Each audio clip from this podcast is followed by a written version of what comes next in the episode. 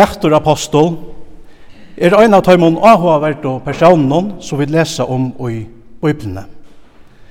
Vi får òsne nekva vite om hans herra personlighet, bæg hans herra styrkje og vøykløyga koma til kjøntar ta vi lesa om han i Bibelene. Petter han er troar hekjan og han er han som ivast. Han er avnoktaren som er øyte største vittne om Jesus. Jesus Han er ein menneske som to og er, sterskur, eina løyto, vøykur, eina æra.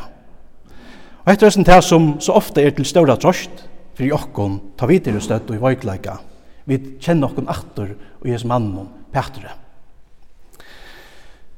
Og i dagsens tekst har vi et hørst om at Jesus kom til bygdaløyene ved Kesaria, Filippi, og hvordan jeg spurte lærersvennerne om hvem folk sett og han vera.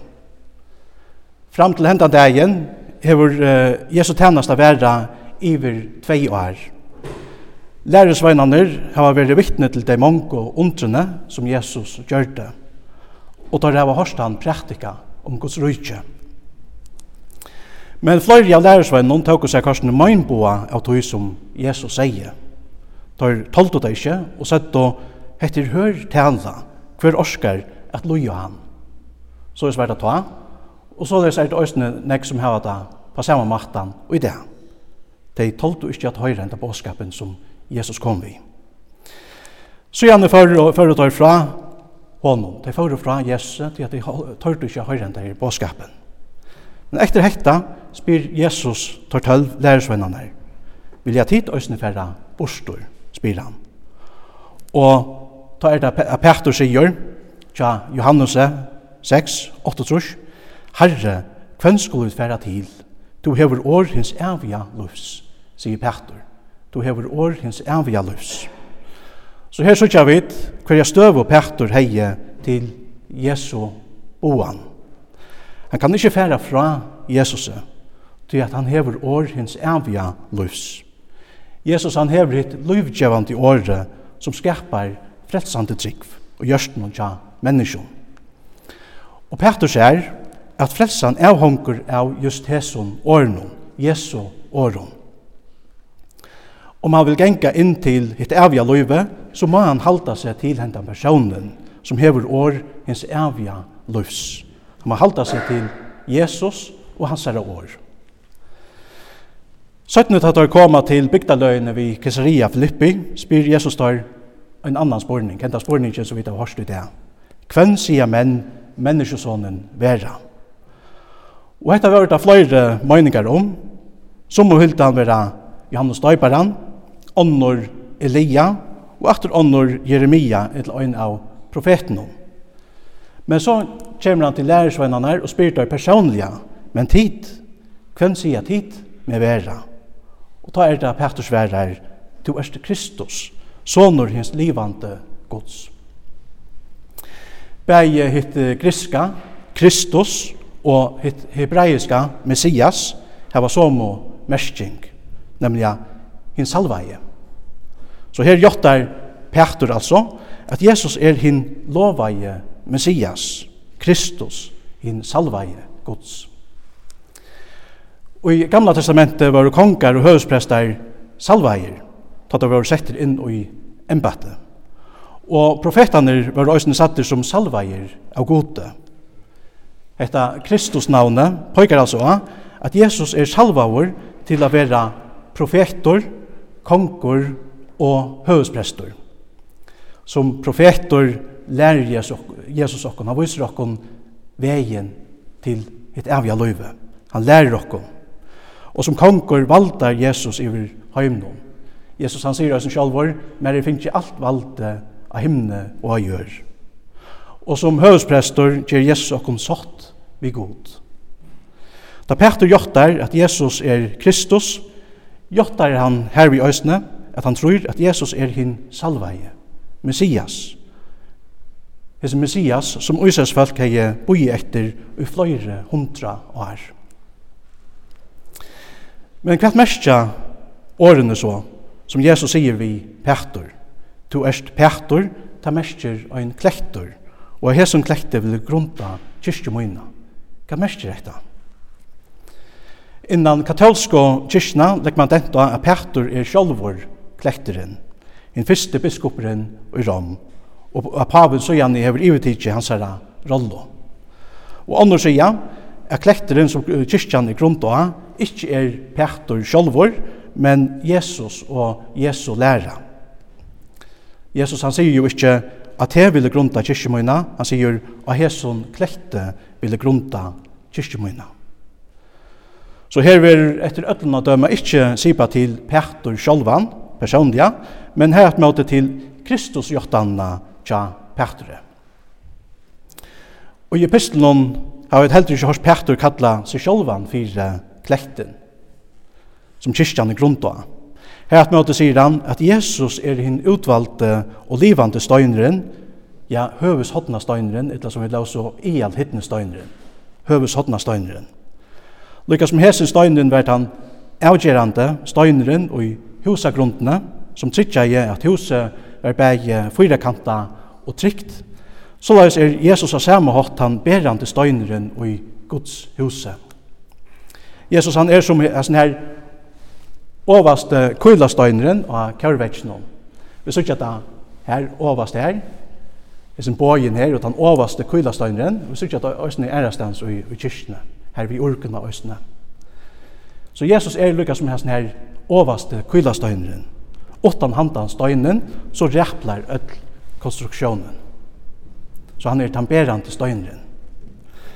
Og vekna Jesus, den tamberande støynen, er vit, og öll kristin menneske, nu er livande støyner i Guds andliga huset Og hetta kunne allir hinner støynene her i Øyes kyrkjo, og som ber dere på om. Det er sånn støynene alle stedens. Vi er da livande steinar og i Guds huset, ein útvald slekt, ein en prestaskapur, ein en høylatjå, og et ognarfolk. Alt vekna Jesus i all hyttenstøynen, etter høves hodnastøynen. Og her og han ver jottaur som Kristus, sonur hins livande gods, her er kyrkjan, gods andlige hus. Så kyrkjan er altså grunda av han, så vi jotta som herra og frelsara. Kristus jottanen var ein oppturer fyrir Petur, men bant at han var, har vi korsni om ein nyrtur. Etter Kristus jottanen og i Caesarea Filippi, byrja Jesus at læra apostlanar om hans herra løying og deia. Men Petur han vildi ikkje at Jesus skulle i gjøgnen alt dette, og sier tog vi han, i årene som vi har hørst. Nei til god herre, aldri veri det rekta fire. Etta viser okkon hvordan lyder Petur er i ferte av oppgavene tja Jesus. Han har sikkert uimynda seg Jesus som en sterskan politiskan person som skulle fruja Israel fra romverene. Tan Jesus som han umynda i seg, var åttan lojeng, kross og deia. Men Jesus værer Petre og sier, «Vik atter om Satan». Etter året, Satan, er hebra hebreist og mestjer året rett øyn som stendur i vegin. Nå er Petur, jottaren og klekteren var en øyn som stod i vegin fyrir Guds atlan. Vi har stittla seg mittlen Jesus og Golgata, vi er Petter luknaver vi fudgendan, vi satan. Det er at atlanen til Petter samsvarer i alls ikke vi Guds frelseatlan. Og tog er det òsni at Jesus gjevur honom eitt attersvære som vi da har hørst, og ikke atterommet satan. Petter er våren ein mindbøye fyrir Jesus, det at han goa ikkje etter Guds søkon, men etter mannasøkon, som vi da har hørst i det òsni. Vi har hørt om Kristus jottan Pertus i det. Men med det enda noen av Matteus evangelien har vi også om avnoktan Pertus. Og så innan kjossa det har Pertus sagt at han ånkantøy skulle tekka seg møgnboa av Jesus. Men Jesus sverre jo sier vi han sannelig sier det her, og i hese nått, og her den hengen gjelder, skal du avnokta med trutjaferer. Hvis årene stava fra hinnom sørsta kvölden hon, Jesus vær saman vi lærersvennen hon. Jesus han hever innsett kveldmåltøyna og sagt hver skulle du komme av svitsjan. Det var sunnkje lovsandjen og er nu av vei til oljefjallet. Og Jesus sier at tar atler må nå få møymboa av honom hesa nottena. Tar er atler av svitja Jesus. Men Petter, han nok der, ikkje han, Han fyrir sjálvandi ikkje a svitja sin herra. Men hans herra år kommer kjøtt til at være motsøkt av tog som han gjør det. Og etter understryker Jesus østen fyrir honom. Men Petur han noktar korsen i at tog. Han er pura sikker i at han fyrir sjálvandi ikkje a svitja Jesus. Etter at Jesus er tidsin til fenga og i Getsemane, fylgjer Petur honom lengt at han fyrir. Han kommer atlan vegin inn i borgargæren til høvespresten og sette seg av verma, ser vi her vid elden. Hva Petter vil hoksa, det vita vi ikke. Men til nærliggjant at hoksa at han kanskje har haft atlaner om at bjerga Jesus. Han hei jo drie svøre og i Getsemane, og høgt øyre av noen uh, tjenere til høvespresten, Malkus etter han. Og dette viser bare at Petter enn ikke hei fætta at Jesus skulle jo gjøknon alt dette, han skulle jo gjøknon disse løyingsene. Dette var en pastor av Guds frelsoatlan. Men han sitter her, og i borgargæren, noen kommer en arbeidskona til hans her, og sier, «Tu varst øysene vi, Jesus, galeingsnom.» Petter han noktar og sier, «Jeg vet ikke hva du sier.» Vi fargar noen ser en annor arbeidskona han, og sier vi deg som var her, «Hæsen var øysene vi, Jesus, ur Nazaret.» og Petter han noktar atter vi en øye. Jeg kjenner ikke den mannen, sier han. Og han løfte søttene, så det de som stod og nær her til Petter. jo, Vurst er, er du øyne i øynene av tøymon, til at du kjenner jo øyne av malen. Og Petter han øser seg opp og begynner at banna og sverja. Jeg kjenner ikke den mannen, sier han. Og i så må løtt og gaul henen. Nu kom Petter i tankar om det som Jesus har sagt. Arjen hænen gjelder skal du avnokta med trutja ferir. Og så brast han i grått. Han brast i grått. Hetta var det største fallet til Petter. Nu har han rakt bottenen. Det han er etter et her stora falle tja Petter har sikkert vært rævligere. Det stender ikke om hver Petter vær, lenge frutja det, og dagen fire Jesu opprørsen. Han er sikkert skinnkje her, pura ansamadlor, for seg sjálvan, tinktur av sindanei og skuldarkjenslo i det som han er gjørst. Det er mulig at Petter, og som sa, Jesus vira krossfestan.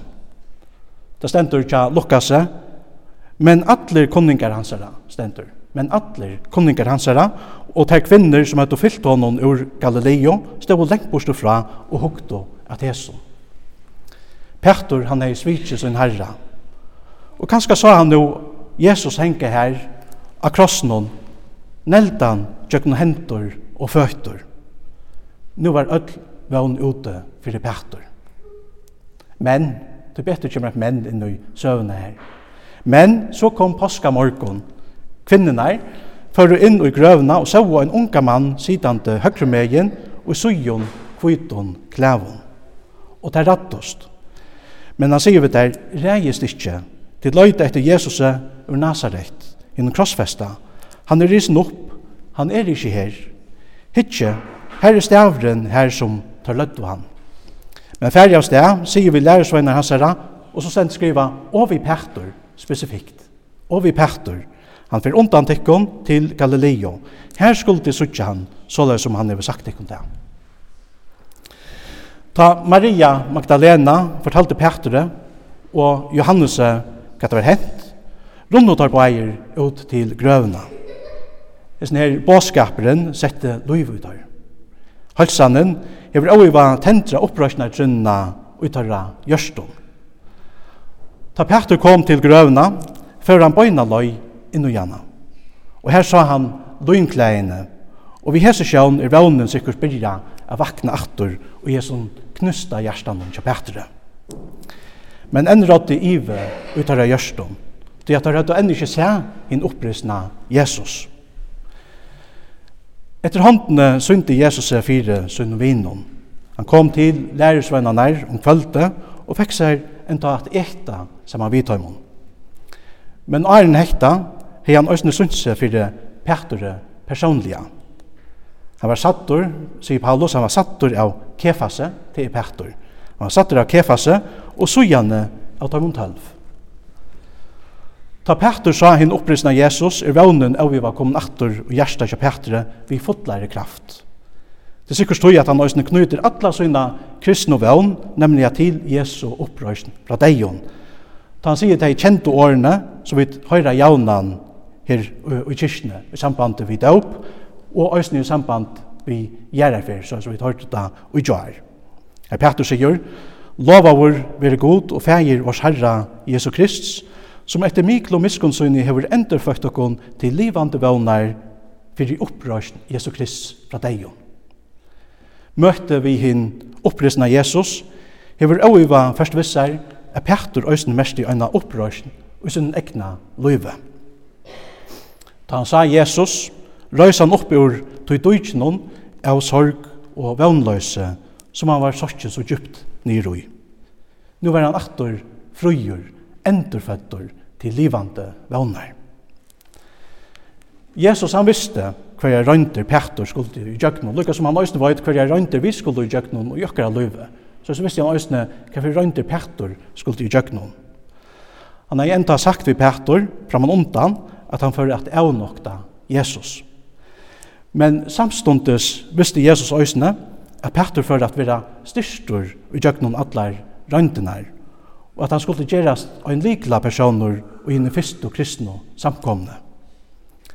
Arren avnokta han sier Jesus nemlig av vi Petter, Søymen, Søymen, så i satan hefur kraftikkon er soldatikon som kveite, men jeg har bygge fyrir der, at tryggtun ikkje må tråta Og ta to øyna fyrir er ventur om, ta styrk brøver. Så Jesus han visste altså at Petur ikkje for at vera verande ui hesson fattlenon, lykka som Judas gjør det. Men at han herat med måte for at vente om etter fatle, og at han er Guds større nøye for at standa sterskare enn han er gjørst avur. Jesus han er bie for honom, lykka som han er bie for jokkon. Han er bie for Petre, at hans trygg ikke skulle tråta, og at han øyndagen skulle styrkja sånne brøver. Og dette hendte jo av kvidesunno, da Petter og dirve og Frymøve støy fram og praktika i gledebåskapen om Jesus. Hentan dagen styrkja han sannliga sine brøver. Det stendur at ein 3000 saler, lett oss at trett samkomne hentan dagen. 3000 saler. Petter hei veri i djøknon nekvar røyndir. Han hei oppleva fall etter fall. Og særlig var det falli og i borgargærnon innan nottna, tan avnokta i Jesus som kom at merskjan. Men ta han møtte hinn opprystna Jesus, fekk han kraft av nudjon. Nu var det korsne vevn fyrir framman, fyrir han og æsne fyrir okkom. Tjøknon atlar røyndinar hei han æsne lars seg sjolvan betur a kjenna. Han sa at døypi av synd som boe i hans egna hjärsta. Men etter opprørsna kom han òsni a kjenna det og endalega døypi av nage og i Guds hjärsta. Petur, avnoktaren, fann nage og frelso og Jesus. Enda nagen er det som kom at mynda enda mannen, Petur, og gjør han til et brennande vittne om Guds ståra kærløyga. Frasøknen om Petur er en frasøkn om hvordan en menneske vil mynda i noen røynter. Det er en frasøkn om fall og opprørsen. Petter, han er et døme om Guds nøye til snavande, ivande og fallande syndere, æsten som okko. Tja Petter lærer vidt hvordan djupt og en og syndere kan falla. Men samstundes lærer vidt æsne at lukka mykje hvordan djupt og menneska fettler så er det Jesu fredsant i armar, korsen i ångkant og i avstotter til at bjerga okkom, og gjere årene til salmaskalt noen til veriløyga øsne og i okkara ekna løyve. Her ta stentor, han drau mig opp ur undergengsens djupe, ur tog bortleisa dujtje, han sette mine føtter av kletten og gjør det først mine fekt. Og en nutjansang kan leie i mun, munn, og en lovsang fyrir gode varum. Hetta var galdande fyrir Petur. Og hetta er også galdande fyrir okkon som høyra Jesus til. God til å takk og lov fyrir det.